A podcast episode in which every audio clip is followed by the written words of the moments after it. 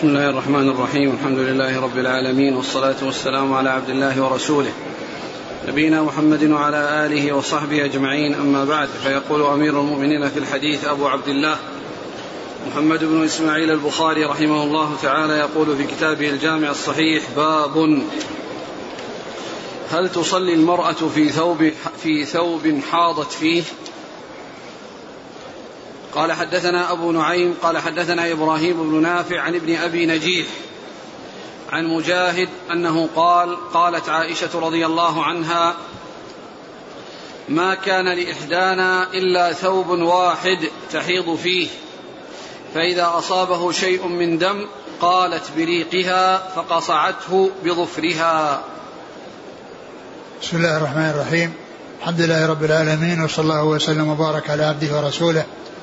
نبينا محمد وعلى آله وأصحابه أجمعين. أما بعد فيقول الإمام البخاري رحمه الله باب هل تصلي المرأة في الثوب الذي حضت فيه؟ هل تصلي المرأة في ثوب حاضت فيه؟ هل تصلي المرأة في ثوب حاضت فيه؟ هذه الترجمة معقودة لبيان أن المرأة إذا حاضت في ثوب لها فإن الأمر لا يخلو من إحدى حالين. إما أن يصيبه شيء من الدم فهذا يجب غسله لأنها نجاسة يجب غسلها. وإن كان لم يصبه شيء من الدم فإنه يجوز أن يصلى فيه. إذا كان لم يصبه نجاسة جاز أن يصلى فيه.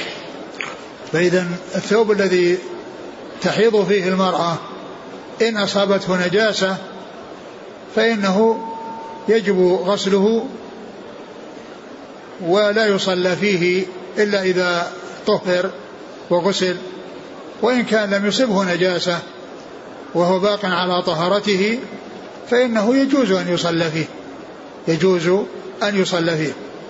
ثم ورد حديث عائشة رضي الله عنها أنها قالت ما كان لإحدانا إلا ثوب واحد تحيض فيه فإذا أصابه شيء قصعته بلت بريقها وقصعته أو مصعته ف فهذا فيه يعني بيان أن يعني ليس فيه يعني وسيأتي أو ومضى حديث أم سلمة رضي الله عنها الذي فيه أنها انسلت من رسول الله صلى الله عليه وسلم لما حست بالحيض جاءها وهي وهي بجنبه على فراشه فأخذت ثياب حيضتها.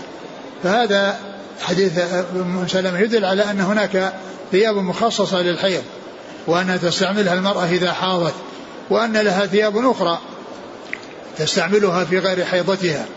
ثم حديث عائشة رضي الله عنها هذا ليس فيه بيان أن أنه ليس عندها ثياب أخرى وإنما فيه بيان أن المرأة آه، ما كان لإحداها ثوب إلا ثوب واحد تحيض فيه.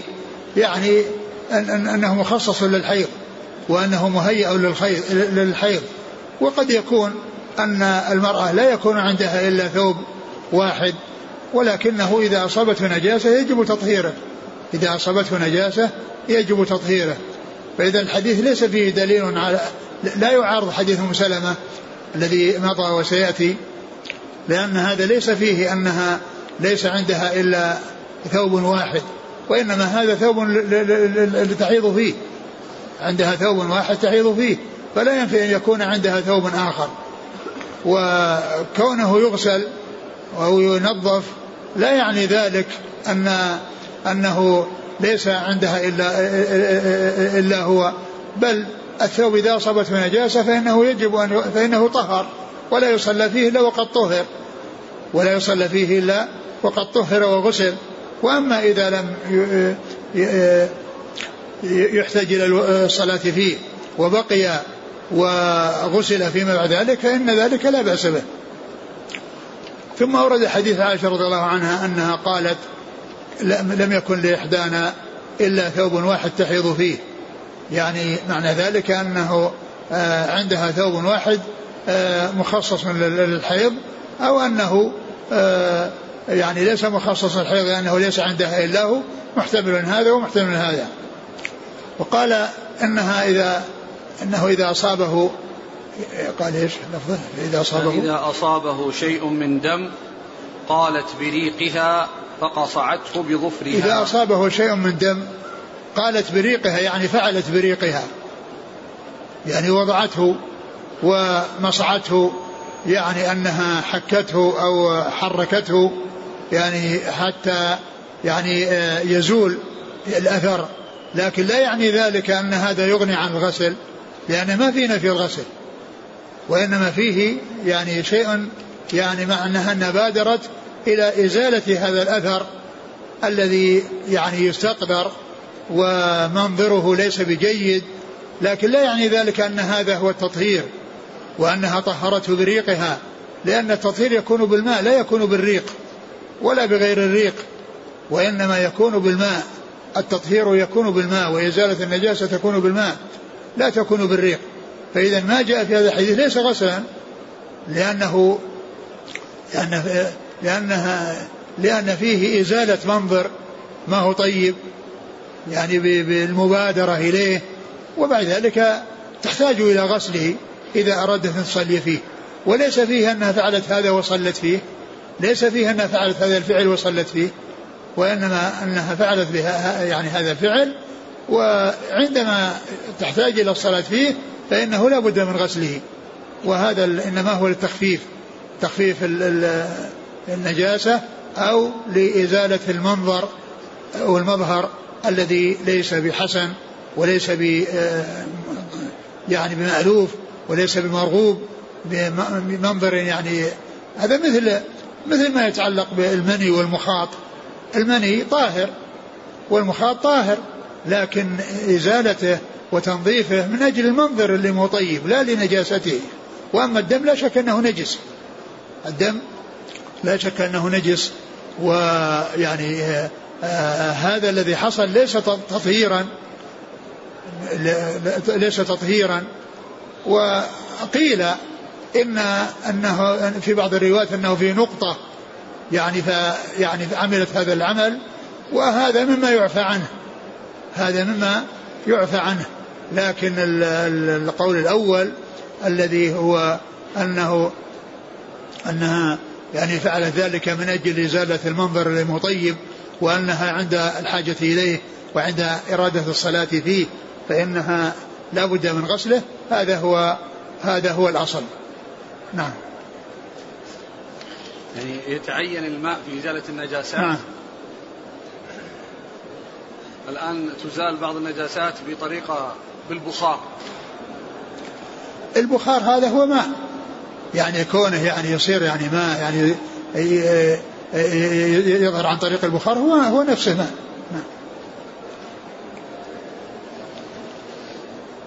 قال حدثنا أبو نعيم الفضل بن دكين. عن إبراهيم بن نافع نعم. عن ابن أبي نجيح نعم. عن مجاهد نعم. عن عائشة. نعم. قال رحمه الله تعالى باب الطيب للمرأة عند غسلها من المحيض. قال حدثنا عبد الله بن عبد الوهاب. قال حدثنا حماد بن زيد عن أيوب عن حفصة.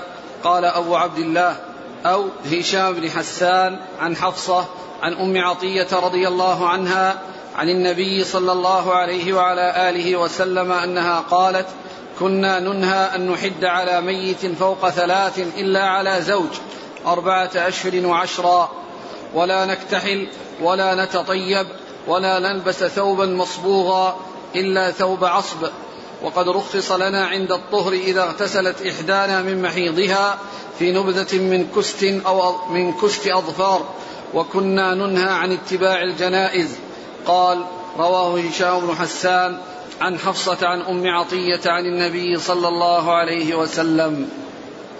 ثم ذكر باب الطيب للمرأة عند الاغتسال. عند غسلها من المحيض. باب الطيب للمرأة عند غسلها من المحيض. أي أن المرأة عندما تغتسل من المحيض فإنها تستعمل الطيب لإزالة آثار الرائحة الكريهة التي هي من آثار الدم دم الحيض ودم الحيض له رائحة. فإذا فهي عند عند عند عند طهرها تستعمل الطيب آه، في المكان الذي خرجت منه آه، آه، خرج منه شيء الذي له رائحة كريهة فتطيبه. يعني فيذهب أثر أثر الرائحة الكريهة بتلك الرائحة الطيبة تلك الرائحة الطيبة التي رخ التي للمرأة أن تستعملها حتى ولو كانت حادة حتى ولو كانت حادة.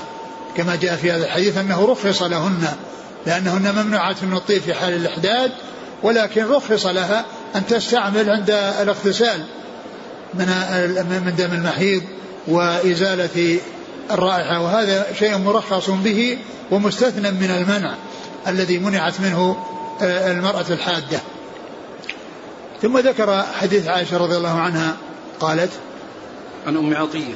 عن أم عطية رضي الله عنها قالت كنا ننهى أن نحد على ميت فوق ثلاث إلا على زوج أربعة أشهر وعشرا. كنا ننهى أن نحد على ميت فوق ثلاث إلا على زوج أربعة أشهر وعشرة. كنا ننهى ننهى إذا قال الصحابي نهينا أو ننهى فإن الناهي لهم رسول الله صلى الله عليه وسلم. ونهيه من عند الله لأنه ليس من قبل نفسه وليس وليست السنة من, من عند الرسول صلى الله عليه وسلم وإنما هي من الله عز وجل كما قال الله عز وجل وما ينطق عن الهوى إن هو إلا وحي يوحى كما وكما جاء في بعض الأحاديث ذاك الحديث الذي فيه يغفر للشهيد كل شيء إلا الدين وكلمة إلا الدين هذه أوحي عليه بها فيما بعد وقال فيها رسول الله صلى الله عليه وسلم سارني به جبريل آنفا. سارني به جبريل آنفا يعني أنه بوحي من الله عز وجل. وكذلك حديث أنس حديث بكر لأنس في قصة آه، فرائض الصدقة الحديث الطويل الذي في البخاري الذي وفيه هذه هذه فريضة الصدقة التي أمر الله بها رسوله صلى الله عليه وسلم. التي أمر الله بها رسوله صلى الله عليه وسلم. وكلها يعني آه، تتعلق بأسنان أسنان آه، الصدقة يعني الإبل سن كذا والغنم كذا والبقر كذا. وهذا إنما جاء في السنة. ولهذا قال أمر الله بها رسوله صلى الله عليه وسلم. يعني فالسنة وحي من الله عز وجل. السنة وحي من الله عز وجل. فهذا قوله ننهى أي الناهي لهم رسول الله صلى الله عليه وسلم. وأما النبي عليه الصلاة والسلام إذا قال أمرت بكذا أو نهيت عن كذا فالآمر له هو الله سبحانه وتعالى. الآمر له هو الله وأصحابه. إذا قالوا أمرنا ونهينا فالآمر لهم الرسول صلى الله عليه وسلم وهو من أمر الله ومن وحي الله سبحانه وتعالى. كنا ننهى أن تحد امرأة على ميت أكثر من ثلاثة أيام إلا على زوج أربعة أشهر وعشرة. هذا من خصائص الزوج أنه يحد عليه هذه المدة التي أربعة أشهر عشر إذا كانت المرأة يعني حائلا. أما إذا كانت حاملا فإن عدتها وضع حملها طالت أو قصرت. فإن عدتها وضع حملها طالت أو قصرت. فقد تكون ساعة أو ساعتين وقد تكون آه، آه، سنة. أو أكثر من سنة. ف فال فال الرسول الرسول صلى الله عليه وسلم يعني أمر النساء أو نهاهن نهى النساء أن يحصلن منهن الاحداث أكثر من ثلاثة أيام إلا على زوج أما يعني ثلاثة أيام بالنسبة للوالد أو الابن أو القريب وما إلى ذلك فلا مانع أن تبقى هذه المدة يعني محدة لكن لا تزيد على ثلاثة أيام. إلا الزوج فإنه يزاد على الثلاثة أيام إلى أربعة أشهر وعشر. إن كانت حائلا حائلا وإن كانت حاملا فإنها تحد إلى وضع حملها طالت مدة الحمل أو قصرت. إلا على زوج أربعة أشهر وعشرة. ولا نكتحل ولا نتطيب. ولا نكتحل يعني تستعمل تجتنب الزينة سواء الزينة المرئية أو المشمومة. المرئية الذي هي الاكتحال والمشمومة مثل الطيب. فلا تستعمل المرأة الزينة في حال حيض في حال إحداثها لا فيما يتعلق بالتجمل بالاكتحال ولبس اللباس الجميل واستعمال يعني الشيء الذي يجملها. ف وكذلك أيضا لا تستعمل الطيب. الذي يعني يعني يشم منها يعني سواء كان مرئيا أو مشموما الزينة المرئية والمشمومة فإنها لا تفعلها المرأة وهي حادة وهي محدة على زوجها هذه المدة فإنها تجتنب هذه الأشياء. ولكنه رخص لها كما جاء في هذا الحديث عند طهرها من الحيض أن تستعمل الطيب أو نوع من الطيب لإزالة أثر الرائحة الكريهة التي حصلت من الحيض أو رائحة الحيض نعم ولا نكتحل ولا نتطيب ولا نلبس ثوبا معصوبا ولا نلبس ثوبا معصوبا يعني آه يعني المعصوب هو المصبوغ يعني بشيء يجمله يعني من لا تستعمل الزينة يعني معناه لا تلبس ثوب زينة يعني سواء كان يعني مصبوغ أو غير مصبوغ سواء حصلت هذه الزينة بالصبغ أو أو بدون بدون صبغ. ما كان للزينة لا تستعمله المرأة. الثياب التي فيها زينة لا تستعملها فلا تستعمل على جسدها اللباس الجميل ولا تعمل في جسدها ما يجملها من كحل أو غيره. من كحل أو غيره ولا تتطيب إلا ما استثني في هذه الحالة. ولهذا قال رخص قالت رخص لنا وقد رخص لنا. بعد ذلك. نعم. قال قالت ولا نلبس ثوبا معصوبا إلا ثوب عصب. نعم. عصب. عصب يعني هو المصبوغ. نعم. لا نلبس ثوبا مصبوغا إلا ثوب إلا ثوب عصب. ثوب عصب نعم العصب هذا هو قيل أنه آه، ثياب برد, برد من اليمن. يعني ما كانت آه، صبغت يعني بعد بعد حياكتها وإنما كانت آه، صبغت يعني مادتها من قبل يعني مادتها كانت مصبوغة من قبل. ثم إنها بعد ذلك حيكت يعني بعد ذلك.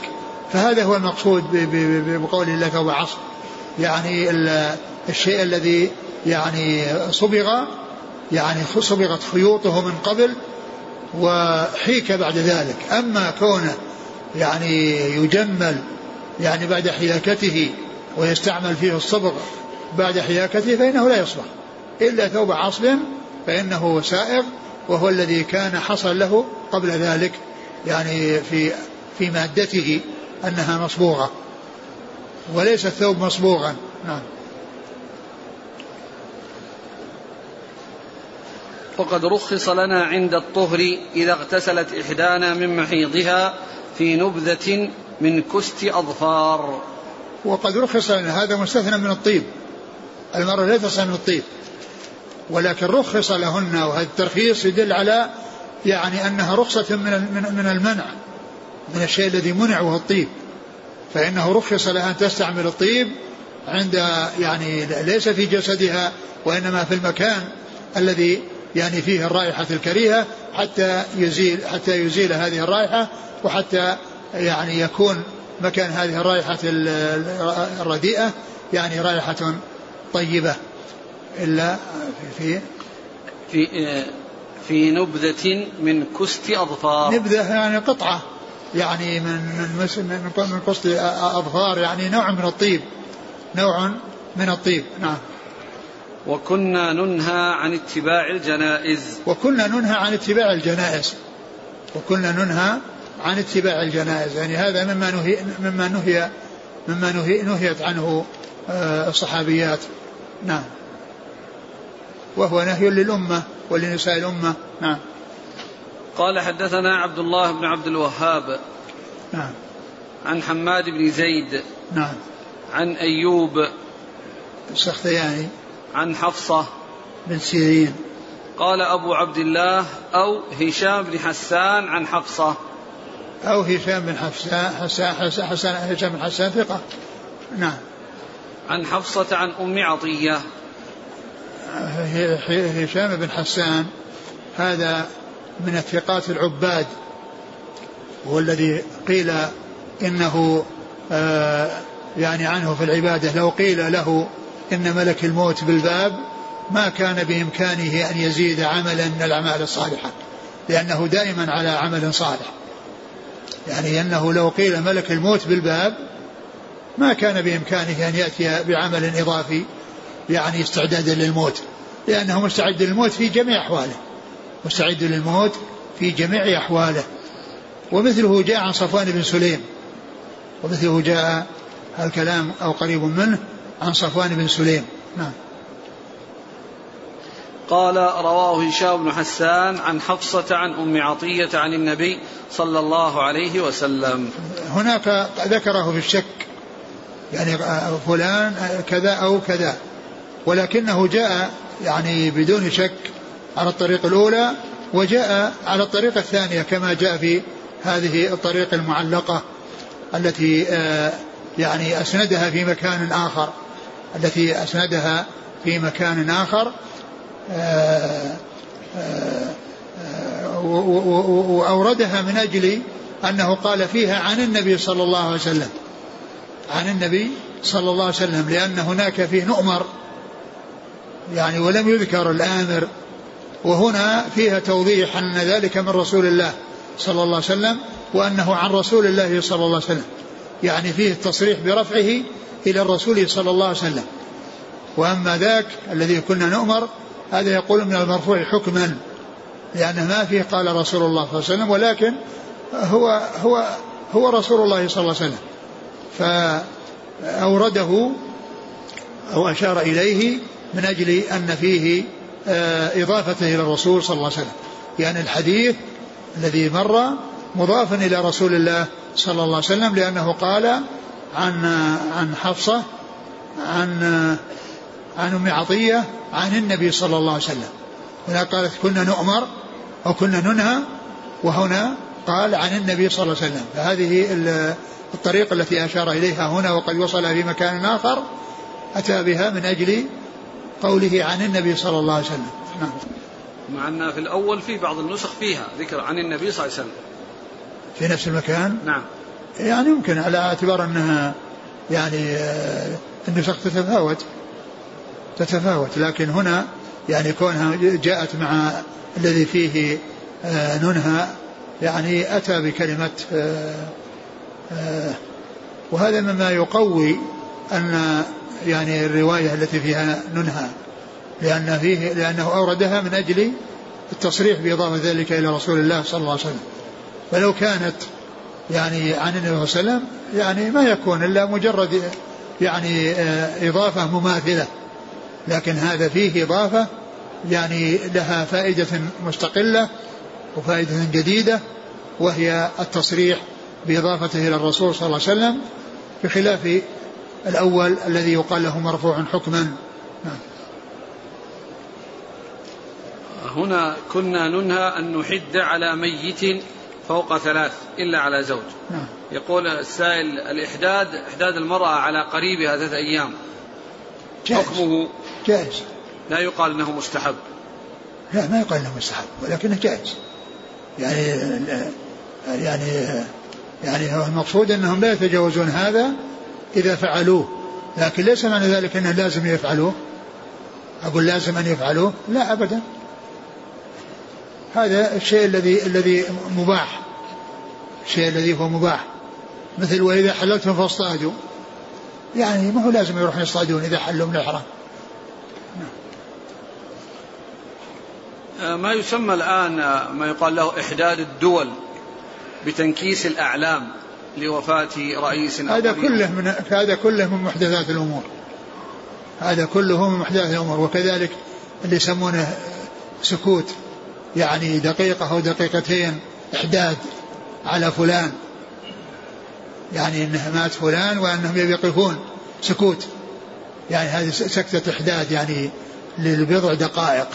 هذا كله من هذا كله من أمور محدثة وفي الغالب أنها جاء ما جاءت المسلمين إلا من أعدائهم.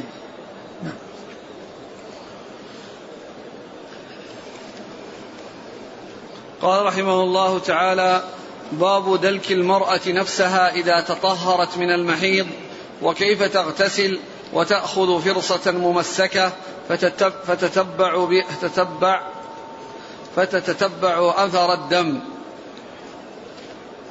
انتهى؟ قال حد نعم. نعم. قال حدثنا يحيى قال حدثنا ابن عيينة عن منصور بن صفية عن أمه رضي الله عنها عن عائشة رضي الله عنها أن امرأة سألت النبي صلى الله عليه وسلم عن غسلها من المحيض فأمرها كيف تغتسل. قال خذي فرصة من مسك فتطهري بها. قالت كيف أتطهر؟ قال تطهري بها. قالت كيف؟ قال سبحان الله تطهري. فاجتبذتها إلي فقلت تتبعي بها أثر الدم ثم قال باب دلك المرأة نفسها إذا تطهرت من المحيض. باب دلك المرأة نفسها إذا تطهرت من المحيض. هذا ليس هذه الترجمة الحديث الذي أورده هذا لا يطابق الترجمة. ولكن البخاري أشار فيه إلى حديث آخر جاء دالا على هذا وهي أن المرأة تدلك أنها عند الاغتسال تدلك نفسها. هنا ما ذكر الاغتسال وإنما ذكر ال ال الذي يتعلق ب آه، يعني بإزالة أو آه، ذكر الإتيان بشيء فيه رائحة طيبة ليزيل الآثار للرائحة الخبيثة في المكان الذي آه، يخرج منه الدم. هذا هو الذي أورده المصنف هنا وهو يعني يطابق ما تقدم في الترجمة السابقة من ناحية أن أنها تستعمل الطيب يعني في آه، محل آه، خروج الدم. الذي هو فرجها من أجل إزالة الرائحة. وأما كيفية الغسل فليس فيه الكيفية ولكنها جاءت في حديث آخر. يعني في حديث آخر يعني ثبت عن رسول الله صلى الله عليه وسلم وهو فيه تنصيص على الدلك أنها عندما تغسل أو تغتسل من الحيض تدلك جلدها أو جسدها ف ففيه استعمال الدلك واستعمال التنظيف يعني بالدلك. وهذا كما هو معلوم ليس بواجب. الدلك ليس بواجب وإنما المقصود أنها آه، تغتسل وتنظف وإن لم يحصل الدلك الذي يعني الذي هو فركه بيدها. لكنه لا شك أن هذا أولى وهو الذي ينبغي لكن لا يقال إنه واجب. نعم. باب دلك المرأة نفسها إذا تطهرت من المحيض. نعم دلك المرأة نفسها إذا تطهرت يعني اغتسلت. إذا اغتسلت من المحيض. تطهرت يعني اغتسلت من المحيض. الحديث كما قلنا ليس فيه ذكر الدلك وإنما فيه كونها تطيب يعني محل آه، الدم الذي آه، يعني آه، حصل منها وفرجها حتى تحل الرائحة الطيبة. محل الرائحة الكريهة التي هي من آثار من آثار الحيض. نعم. حديث؟ لكن مسألة الدلك أحسن الله إليك. سواء في غسل الجنابة أو من المحيض أو ما هو واجب؟ أو ليس بواجب. وكذلك في الوضوء. وكذلك الوضوء ليس بواجب لأن سيلان الماء على العضو يكفي. وكيف تغتسل وتأخذ فرصة ممسكة؟ فتتبع أثر الدم. وكيف تغتسل؟ إيش؟ هذا من الترجمة نعم. وكيف تغتسل؟ هذا ما في ذكر الاغتسال الترجمة إلا الحديث الذي جاء. نعم. وتأخذ فرصة ممسكة. فرصة يعني قطعة يعني ممسكة يعني فيها مسك يعني وضع فيها مسك فتتبعه أثر الدم. تتبعه أثر الدم عندما تطهر فرجها وتنظف فرجها من آثار الدم تستعمل يعني هذه الفرصة التي هي قطعة يعني فيها قطن والقطن يعني فيه هذه المسك فتضعه في أماكن آه، خروج الدم ليذهب بالرائحة الكريهة. فالحديث ليس فيه ذكر الغسل أو الاغتسال وذكر الدلك وإنما فيه ولكنه جاء في آه، بعض الأحاديث الأخرى الصحيحة آه، التي فيها التنصيص على الدلك. شوف الحديث أظن في أظن في مسلم وليس عند البخاري لكنه صالح للاحتجاج. قيل ليس في الحديث ما يطابق الترجمة لأنه ليس فيه كيفية الغسل ولا الدلك وأجاب الكرماني تبعا لغيره بأن تتبع أثر الدم يستلزم الدلك. وبأن المراد من كيفية الغسل الصفة المختصة بغسل المحيض وهي التطيب لا نفس الاغتسال. انتهى. وهو حسن على ما فيه من كلفة وأحسن منه أن المصنف جرى على عادته في الترجمة بما تضمنه بعض طرق الحديث الذي يريده وإن لم يكن المقصود منصوصا فيما ساقه. وبيان ذلك أن مسلما أخرج هذا الحديث من طريق ابن عيينة عن منصور التي أخرجه منها المصنف. فذكر بعد قوله كيف تغتسل ثم تأخذ زاد ثم الدالة على تراخي تعليم الأخذ عن تعليم الاغتسال. ثم رواه من طريق أخرى عن صفية عن عائشة وفيها شرح كيفية الاغتسال المسكوت عنها في رواية منصور ولفظه فقال تأخذ إحداكن ماءها وسدرتها فتطهر فتحسن الطهور ثم تصب على رأسها فتدلكه دلكا شديدا حتى تبلغ شؤون رأسها أي أصوله ثم تصب عليها الماء ثم تأخذ فرصة. فهذا مراد الترجمة لاشتمالها على كيفية الغسل والدلك. وإنما لم يخرج المصنف هذه الطريق لكونها من رواية إبراهيم بن مهاجر عن صفية وليس هو على شرطه. وتأخذ فرصة ممسكة فتتب فتتبع فرصة ممسكة يعني عليها مسك. عليها مسك يعني على هذه الفرصة التي هي يعني شيء من القطن يعني فيه مسك. فتتبع به أثر الدم. تتبع به أثر الدم. يعني ال ال يعني مكان خروجه حتى تذهب الرائحة المنتنة بالرائحة الطيبة. نعم. عن عائشة أن امرأة سألت النبي صلى الله عليه وسلم عن غسلها من المحيض فأمرها كيف تغتسل؟ قال خذي فرصة من مسك فتطهري بها. قالت كيف أتطهر؟ قال تطهري بها. قالت كيف قالت كيف؟ قال سبحان الله تطهري. فاجتبذتها إلي فقلت تتبعي بها أثر الدم. يعني الرسول صلى الله عليه وسلم لما قال تطهري بها يعني هي يعني مقصود بها أنها تجعل على مكان الدم وعلى مكان الخارج. يعني تطهرها بهذه بهذا الطيب الذي تظهر منه الرائحة الطيبة. وقد كرر تطهري ثلاث مرات ولكنها يعني لم يعني آآ آه، آآ آه، يعني آآ آه، لم تفهم الشيء الذي أراده الرسول صلى الله عليه وسلم. فلما الرسول صلى الله عليه وسلم استحيا من أن يذكر يعني الشيء الذي يعني يعني يريده منها وهو يعني الدم وما إلى ذلك أم سلمة رضي الله عنها أم سلمة ولا عائشة؟ عائشة عائشة رضي الله عنها كذبتها وأخبرتها بأنها تعمل هذا العمل الذي هو تتبع أثر الدم وأنها تطهر مكانه بذلك لما رأت النبي صلى الله عليه وسلم يعني ما أجابها وهي كررت السؤال وهو يكرر لها تطهري ثلاث مرات أتى بها ثلاث مرات وقال سبحان الله متعجب يعني من يعني من من من, من عدم فهمها وأنها يعني آه كررت يعني هذا السؤال مع أن مع عدم رغبته صلى الله عليه وسلم بمواجهتها بالشيء الذي يعني آه الذي الذي هو ذكر فرجها والدم الذي في فرجها. آه عائشة رضي الله عنها فهمت. يعني ما أراد أن يواجهها فجذبتها إليها وأخبرتها بالذي يريده الرسول صلى الله عليه وسلم. وقد أقر على ذلك رسول الله صلى الله عليه وسلم. قال حدثنا يحيى يحيى ابن بن موسى البلخي. نعم. عن ابن عيينة نعم. عن منصور بن صفية نعم. عن أمه نعم. عن عائشة. صفية بنت شيبة. نعم. وهم بني عبد الدار. يعني بني شيبة الذين هم لهم السدانة للكعبة نعم.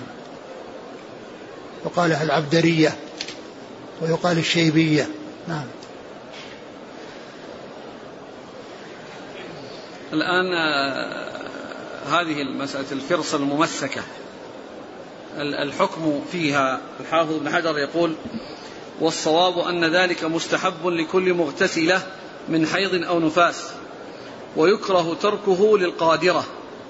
فإن لم تجد مسكا فطيبا فإن لم تجد فمزيلا كالطين وإلا فالماء كاف.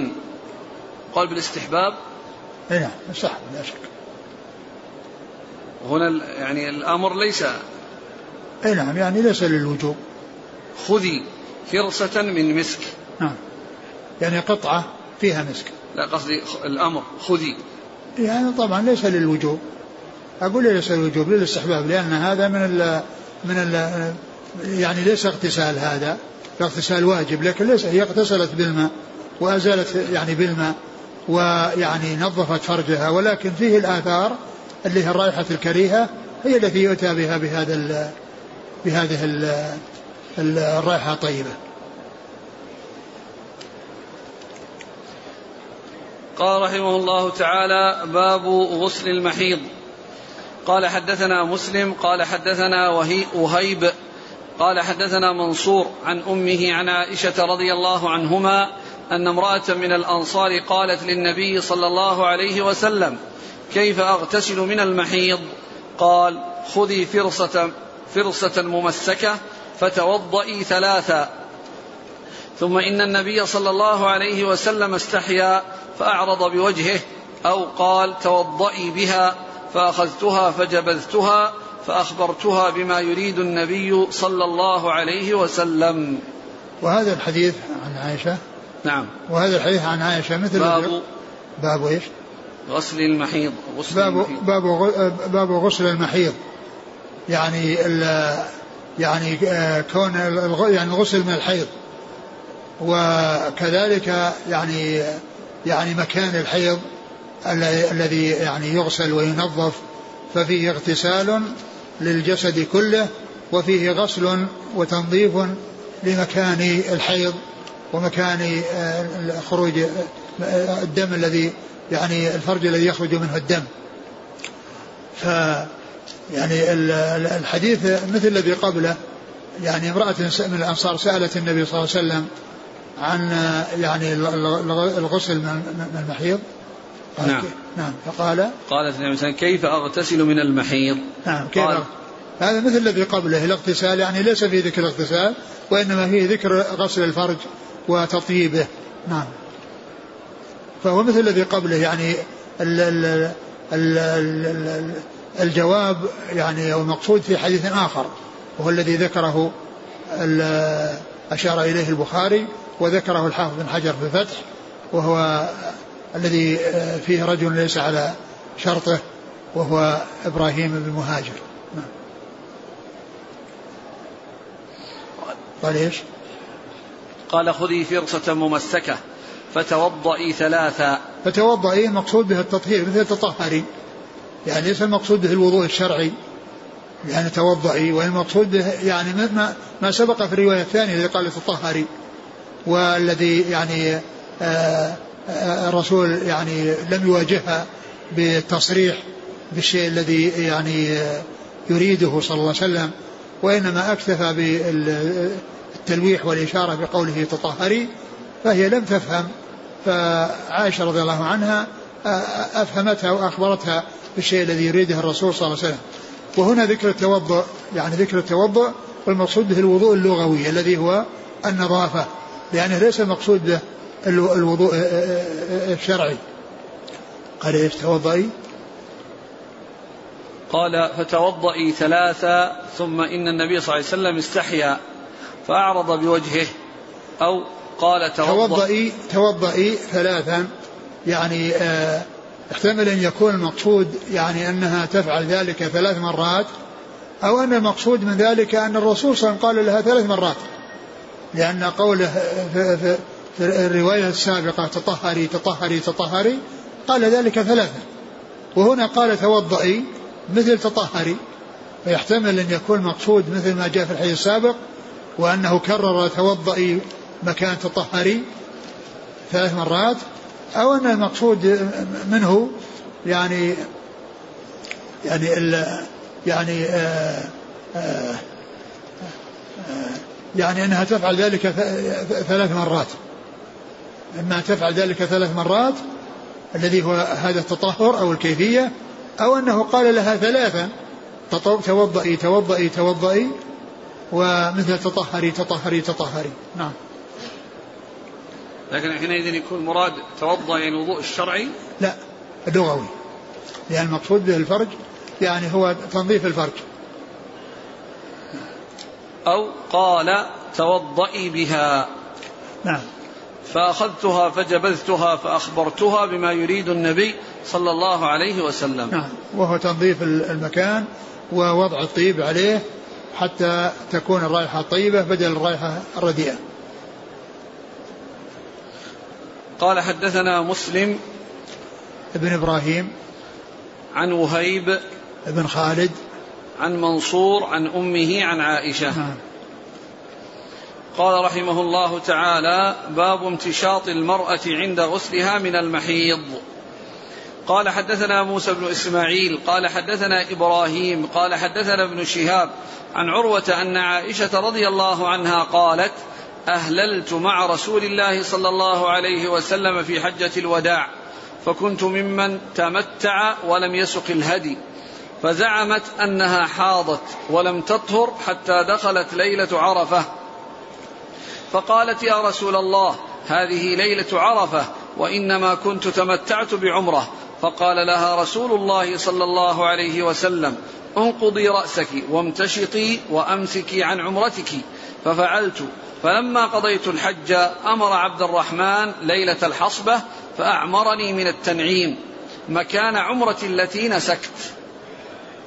ثم ذكر بعد بعد ذلك قال باب باب امتشاط المرأة عند غسلها من المحيض. باب امتشاط المرأة عند غسلها من المحيض. يعني أن المرأة تمتشط يعني معناها أنها تنقض شعرها وتمتشط بالمشط وتسرحه بالمشط. فيعني وهذا عند عند عند اغتسالها من المحيض. والحديث الذي أورده ليس فيه اغتسال عند المحيض يعني عند الفراغ من الحيض لأن الحيض لا يزال معها. وقد أخبرت عائشة رضي الله عنها أنها آه، حجت مع الرسول صلى الله عليه وسلم وأنها معتمرة يعني أتت بعمرة متمتعة بها إلى الحج. وكذلك أمهات المؤمنين كن كلهن متمتعات. لم يكن منهن أحد قارن وإنما كن متمتعات. ف حاضت هي في آه، أثناء الطريق في سرف ولما جاء يوم عرفة أو ليلة عرفة والناس يعني آه، سيذهبون إلى عرفة و وهي لم تطهر أخبرت النبي صلى الله عليه وسلم بأنها أحرمت بالعمرة وأنها لم تأتي لم تأتي بالعمرة. ما حصل منها طواف ولا سعي لأن العمرة طواف وسعي. طواف وسعي وتحلل. بالتقصير. هي ما حصل لها شيء من ذلك. فالرسول صلى الله عليه وسلم أمرها بأن تمسك عن عمرتها. يعني ما ما تستمر فيها. لأن ما بقي مجال لأن الحج وصل. الحج قد وصل. فلا يمكن يعني أن تأتي بالعمرة. يعني بعدما دخل جاء الحج ودخل الناس في الحج. فالرسول أمرها بأن تمسك عن عمرتها يعني معناه لا تستمر على أفعالها ولا تأتي بأفعالها وإنما تدخل عليها الحج. وذلك بأن تنقض شعرها وتمتشط وتغتسل للإحرام. وليس غسل حيض لأن الحيض لا يزال معها. وغسل الحيض إنما يكون بعد الطهارة من الحيض. بعد الطهارة من الحيض. إذا هذا الاغتسال إنما هو الاستعداد للإحرام. للإحرام بالحج الذي تدخلها على العمرة وتكون بذلك قارنة. وتكون بذلك قارنة. وهذا نظير ما أمر به النبي صلى الله عليه وسلم أسمى بنت عميس لما ولدت محمد بن بكر في الميقات وسألت النبي صلى الله عليه وسلم أمرها بأن تغتسل وأن تستثر بثوب. فدل هذا على أن الحديث ليس فيه ذكر المحيض ولكنه إذا جاء يعني في حال الغسل المستحب فإذا الغسل الواجب أو الغسل اللازم هو من باب أولى. يعني هذا وجه يعني ذكر الاغتسال من المحيض وكونها يعني أنها تغتسل يعني من المحيض يعني معناه يعني أنها تنتشط عند غسل المحيض يعني أنها إذا كان في أمر مستحب شرع لها ذلك وأرشدت إلى ذلك فإذا الاغتسال من الحيض هو من باب أولى أنها تفعل ذلك. لا سيما يعني عند الاغتسال من الحيض هو أن رأسها يكون يعني مشدود مدة وباقي مدة يعني مشدود فيعني كونها تنقضه وتمشطه ويعني آه، آه، توصل الماء إلى أصوله وصول الماء إلى الأصول هذا هو الذي لا بد منه. في أي اغتسال يعني اغتسال الجنابة واغتسال الحيض إلا أن الجنابة تختلف من الحيض. الجنابة يمكن الإنسان هي تتكرر ويمكن أن, أن أنه يعني يحصل تكررها ولا يلزم فيها النقض. ولا يلزم فيها النقض وإنما يلزم التروية حتى يصل إلى الأصول إلى أصول الشعر. وأما بالنسبة للحيض فإنه يطول أمده. وليس مثل الجنابة التي تتكرر يعني ثم تشد رأسها ثم يعني تفعل مرة ثانية وثالثة وهكذا فإن الأمر يختلف. ولهذا الحيض تطول مدته ويكون يعني مشدودا مدة فهي تحتاج إلى أن تنقضه ليصل الماء إلى أصوله ليصل الماء إلى أصوله. وجمهور أهل العلم على أنه لا يلزم وإنما المهم أن يصل إلى أصوله سواء في الحيض أو في في الجنابة. إيش يقول؟ يعني الحديث؟ إن عائشة قالت أهللت مع رسول الله صلى الله عليه وسلم في حجة الوداع. أهللت يعني أحرمت. دخلت في يعني في الإحرام. وأهلت يعني بالعمرة. والإهلال يكون بالتلبية بما أحرم به الإنسان. إن كان مفردا يقول لبيك حجا وإن كان متمتعا يقول لبيك عمرة وإن كان قارنا يقول لبيك عمرة وحجا. نعم. أهللت مع رسول الله صلى الله عليه وسلم في حجة الوداع فكنت ممن تمتع ولم يسق الهدي. كنت ممن تمتع ولم يسق الهدي. ممن تمتع ولم يسق الهدي يعني أحرم بعمرة ولم يسق الهدي. لأنه لو أحرم بعمرة وساق الهدي وهو في الحج فإنه يدخل الحج على العمرة ويصير قانا. لأن من ساق الهدي لا يحل منه إلا يوم العيد. فمن أحرم بعمرة فإنه يعني وقد ساق الهدي فإنه يدخل الحج على العمرة. يدخل الحج على العمرة ولا يحل من إحرامه إلا عندما يأتي وقت الهدي أو ذبح الهدي الذي هو يوم العيد. نعم. فزعمت أنها حاضت ولم تطهر حتى زعمت هذا إخبار. يعني يطلق على الخبر المحقق. يعني ليس يعني على الخبر المظنون أو الشيء الذي فيه ريبة. يعني يقال زعم فلان. وإنما هذا بمعنى الخبر المحقق. أخبرت خبرا محققا. نعم. فزعمت أنها حاضت ولم تطهر حتى دخلت ليلة عرفة. نعم. فقالت يا رسول الله هذه ليلة عرفة وإنما كنت تمتعت بعمرة. فقال لها رسول الله صلى الله عليه وسلم انقضي رأسك وامتشطي وأمسكي عن عمرتك. أمسكي عن عمرتك؟ يعني أنها لا تستمر فيها لأنه ما بقي مجال لأن الحج قد وصل. وليس فيه إلا أنها تدخل الحج عن عمرة كما أرشدها إلى ذلك رسول الله صلى الله عليه وسلم لأنها يعني يعني ما حصل لها الطهر حتى تأتي بالطواف والسعي وتقصر ثم تحرم بالحج وإنما جاء الحج وهي على حيضها في حيضها. فالرسول صلى الله عليه وسلم أمرها بأن آه، تستعد للإحرام بالاغتسال والامتشاط ونقض الرأس وأنها تحرم تحرم بالحج فتضيفه إلى العمرة التي أحرمت بها من الميقات. لأن الإحرام صار عندها مرتين. مرة بعمرة من الميقات ومرة بحج أدخلته على العمرة. فصارت بعد إحرامها بالحج قارنة. وخرجت من كونها متمتعة. لأن المتمتع هو الذي يطوف ويسعى ويتحلل من إحرامه ثم يحرم بالحج. هذه لم تتمكن كما تمكنت أمهات المؤمنين اللاتي كن مثلها نعم قالت ففعلت فلما قضيت الحج أمر عبد الرحمن ليلة الحصبة فأعمرني من التنعيم مكان عمرتي التي نسكت. وهذا الذي حصل إنما هو بإلحاح منها على الرسول صلى الله عليه وسلم. هي هي يعني أرادت أنها تأتي بعمرة بعد الحج لأن لأنها ما حصل لها العمرة التي ارادتها ومعلوم أن المتمتع عنده طوافين وسعيين وهي ما عندها إلا طواف واحد يسعى واحد اللي هو طواف القارن وسعي القارن وهو يكفي. ولهذا لما راجعت الرسول صلى الله عليه وسلم وقالت لهما قالت قال يكفيك طوافك وسعيك عن حجك وعمرتك. لأنها صارت قارنة والقارن يكفيه طواف وسعي عن حجه وعمرته. لكنها أرادت هي أن تحصل طوافين وسعيين. طواف وسعي للعمرة وطواف وسعي للحج والطواف والسعي للعمرة ما حصل في أول أمر بسبب الحيض فأرادت أن تعوض عنه بعمرة.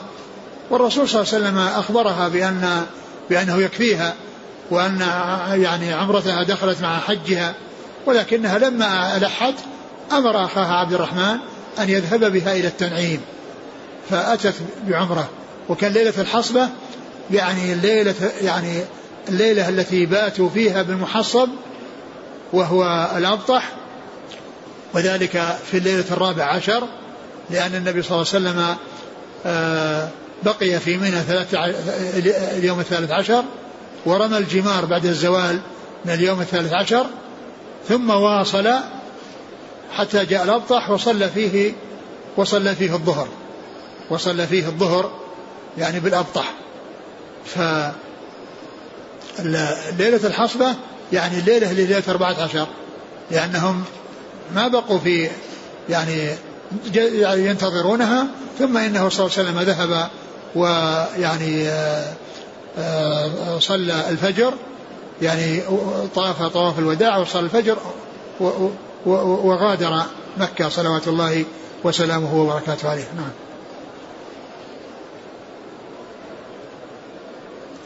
الآن سياق الحديث.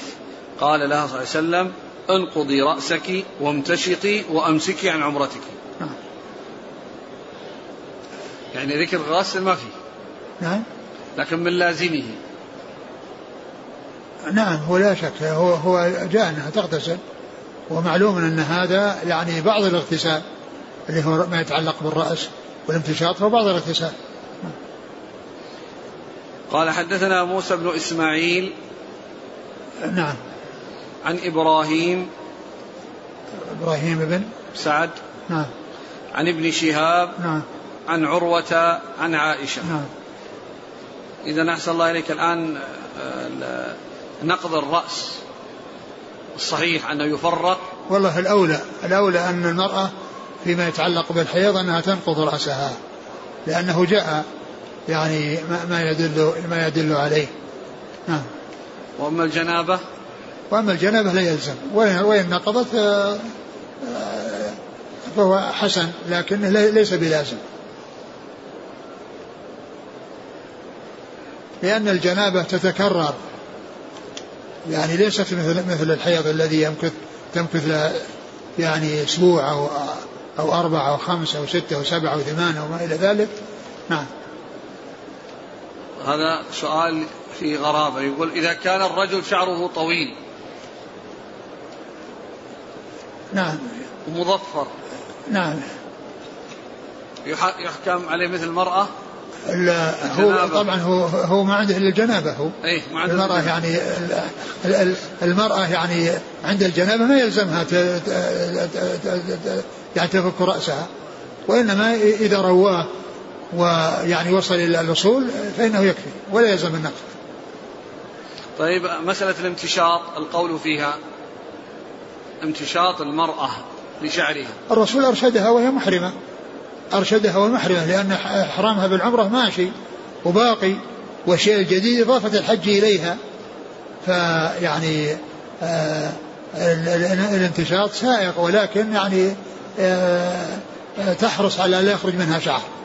ولو تجنبته في حال إحرامها لأن هذا الذي فعله أرشده الرسول هو اغتسال من أجل الدخول في في نسك الحج الذي يضاف نسك العمرة. ف فيعني آه، آه، كونها تنتشط يعني جائز.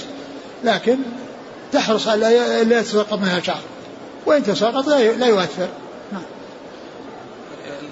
السؤال كذلك يا شيخ امتشاط المرأة عموما في غسل المحيض واجب مستحب؟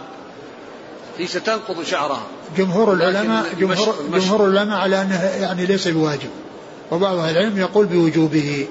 ولا شك أن أن أنها تختلف عن عن الجنب وأن الأولى في حقها أن تنقضه. ليس النقض أحسن لك المشط. مشط شعرها حال غسلها. واجب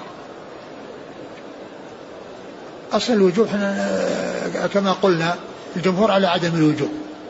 ما في فرق بين والمشط وعلى الاستحباب لكن الامتشاط ليس بواجب عند الاغتسال وهو مثل التخليل. وقد جاء يعني في التخليل لا والتخليل ليس بواجب المهم أن يصل الماء إلى أصول الشعر. يعني يصل إلى أصول الشعر سواء بتخليل أو بامتشاط أو يعني أو بغير ذلك بحيث يغلب على الظن أنه وصل إلى أصول الشعر الماء بصبه عليه حتى وصل إلى أصول الشعر. وإن لم يحصل فيه يعني آه، تخليل بالأصابع أو امتشاط بالمشط فإن آه، آه، أنه ليس بواجب ولكنه لا شك أنه أكمل وأفضل. نعم. قال رحمه الله تعالى باب نقض المرأة شعرها عند غسل المحيض. قال حدثنا عبيد بن إسماعيل قال حدثنا أبو أسامة عن هشام عن أبيه عن عائشة رضي الله عنها أنها قالت خرجنا موافين لهلال ذي الحجة فقال رسول الله صلى الله عليه وسلم من أحب أن يهل بعمرة فليهلل فإني لولا أني أهديت لأهللت بعمرة فأهل بعضهم بعمرة وأهل بعضهم بحج. وكنت أنا ممن أهل بعمرة فأدركني يوم عرفة وأنا حائض فشكوت إلى النبي صلى الله عليه وسلم فقال دعي عمرتك وامتش دعي عمرتك وانقضي رأسك وامتشطي وأهلي بحج ففعلت حتى إذا كان ليلة الحصبة أرسل معي أخي عبد الرحمن بن أبي بكر فخرجت إلى التنعيم فأهللت بعمرة مكان عمرتي. قال هشام ولم يكن في شيء من ذلك هدي ولا صوم ولا صدقة. ثم ذكر بعد ذلك باب نقض المرأة عند اغتسالها من المحيض يعني والترجمة السابقة امتشاط المرأة عند اغتسالها من المحيض وأتى بنفس الحديث للاستدلال به على المسألة الثانية لأنه أورده من أجل الامتشاط وهنا أورده من أجل نقض الرأس. ومعلوم نقض الرأس يعني أن الامتشاط يكون بعد نقض الرأس. الامتشاط إنما يكون بعد نقض الرأس. فأتى بالحديث في ترجمتين للاستدلال به على على المسألتين وهما مسألة النقض ومسألة الانتشاط. ثم الحديث عن عائشة قالت نعم. خرجنا موافين لهلال ذي الحجة. موافين لهلال ذي الحجة. هم خروجهم كان يوم 25 لأن يوم 25 لأنهم هي المراحل بين مكة والمدينة تسع مراحل. يعني يعني خمس منها من ذي القعدة وأربعة منها في ذي الحجة. لأنه وصل صبيحة رابع ذي الحجة. صبيحة رابع ذي الحجة. وقد يعني خرج من هنا يعني من من ذو الحليفة يعني بعد الظهر في ال ال ال في الخامس والعشرين. موافين يعني قريبين يعني من من من من, من نهاية الشهر. نعم. قريبين من مقاربة الشهر اللي هو شهر ذي الحجة. نعم. فقال رسول الله صلى الله عليه وسلم من أحب أن يهل بعمرة فليهلل. فإني لولا أني أهديت لأهللت بعمرة. يعني في بعض النسخ أحللت بعمرة. أحللت أحللت. يعني لولا أنه أهدى لأن الرسول صلى الله عليه وسلم لما راجعوه في كونه الذين ليس معهم هدي راجعوه فقال لولا أنني أهللت لولا أني أهديت لأحللت. لأحللت. يعني أحللت يعني تحللوا وفعل مثلهم مثل ما فعلوا لأنهم أرشدهم إلى أن يتحللوا لأنهم لم يسوقوا الهدي وهو بين له بين لهم السبب الذي جعل جعله لا يفعل مثل ما فعلوا لأنه ساق الهدي. ولهذا كما قلت أنه يعني في, في, في جاء في بعض الروايات أن الإنسان إذا أحرم بعمرة وقد ساق الهدي فإنه يدخل الحج العمرة ويصير قارن ويصير قارن ولا يعني يذبح الهدي حتى ولا يعني ينحر الهدي حتى يبلغ محله ومحله هو يوم العيد. وهذا لا يتأتى في حق المعتمر إلا بأن يدخل الحج على العمرة إلا بأن يدخل الحج على العمرة فيكون يعني بذلك قارنا. نعم. فأهل بعضهم بعمرة وأهل بعضهم بحج. وكنت أنا ممن أهل بعمرة. نعم وأهل بعضهم بحج وعمرة.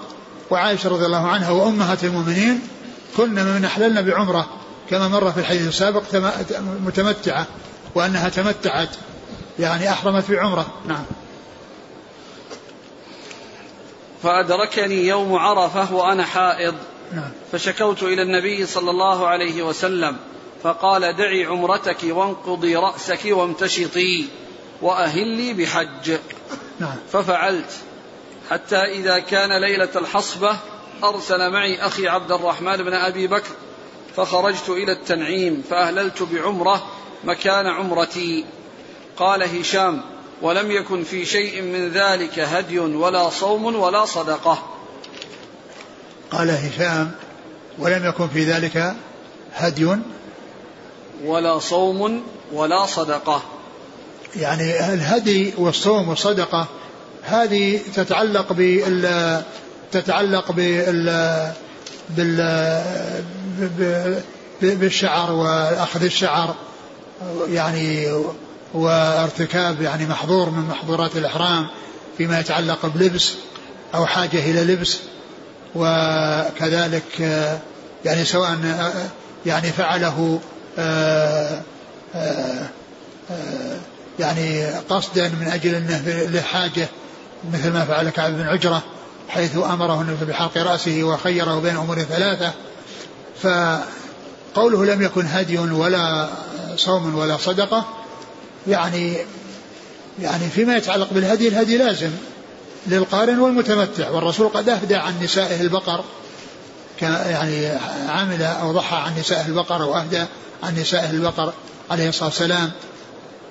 ف يعني قوله لم يكن هدي ولا صوم ولا, صوم ولا صدقة. لعل هذا يتعلق ب يعني ب ب ب بكونها نقضت رأسها و وأنها مشطت آه، شعرها وكذا وأنها قد يساقط من ذلك شعر.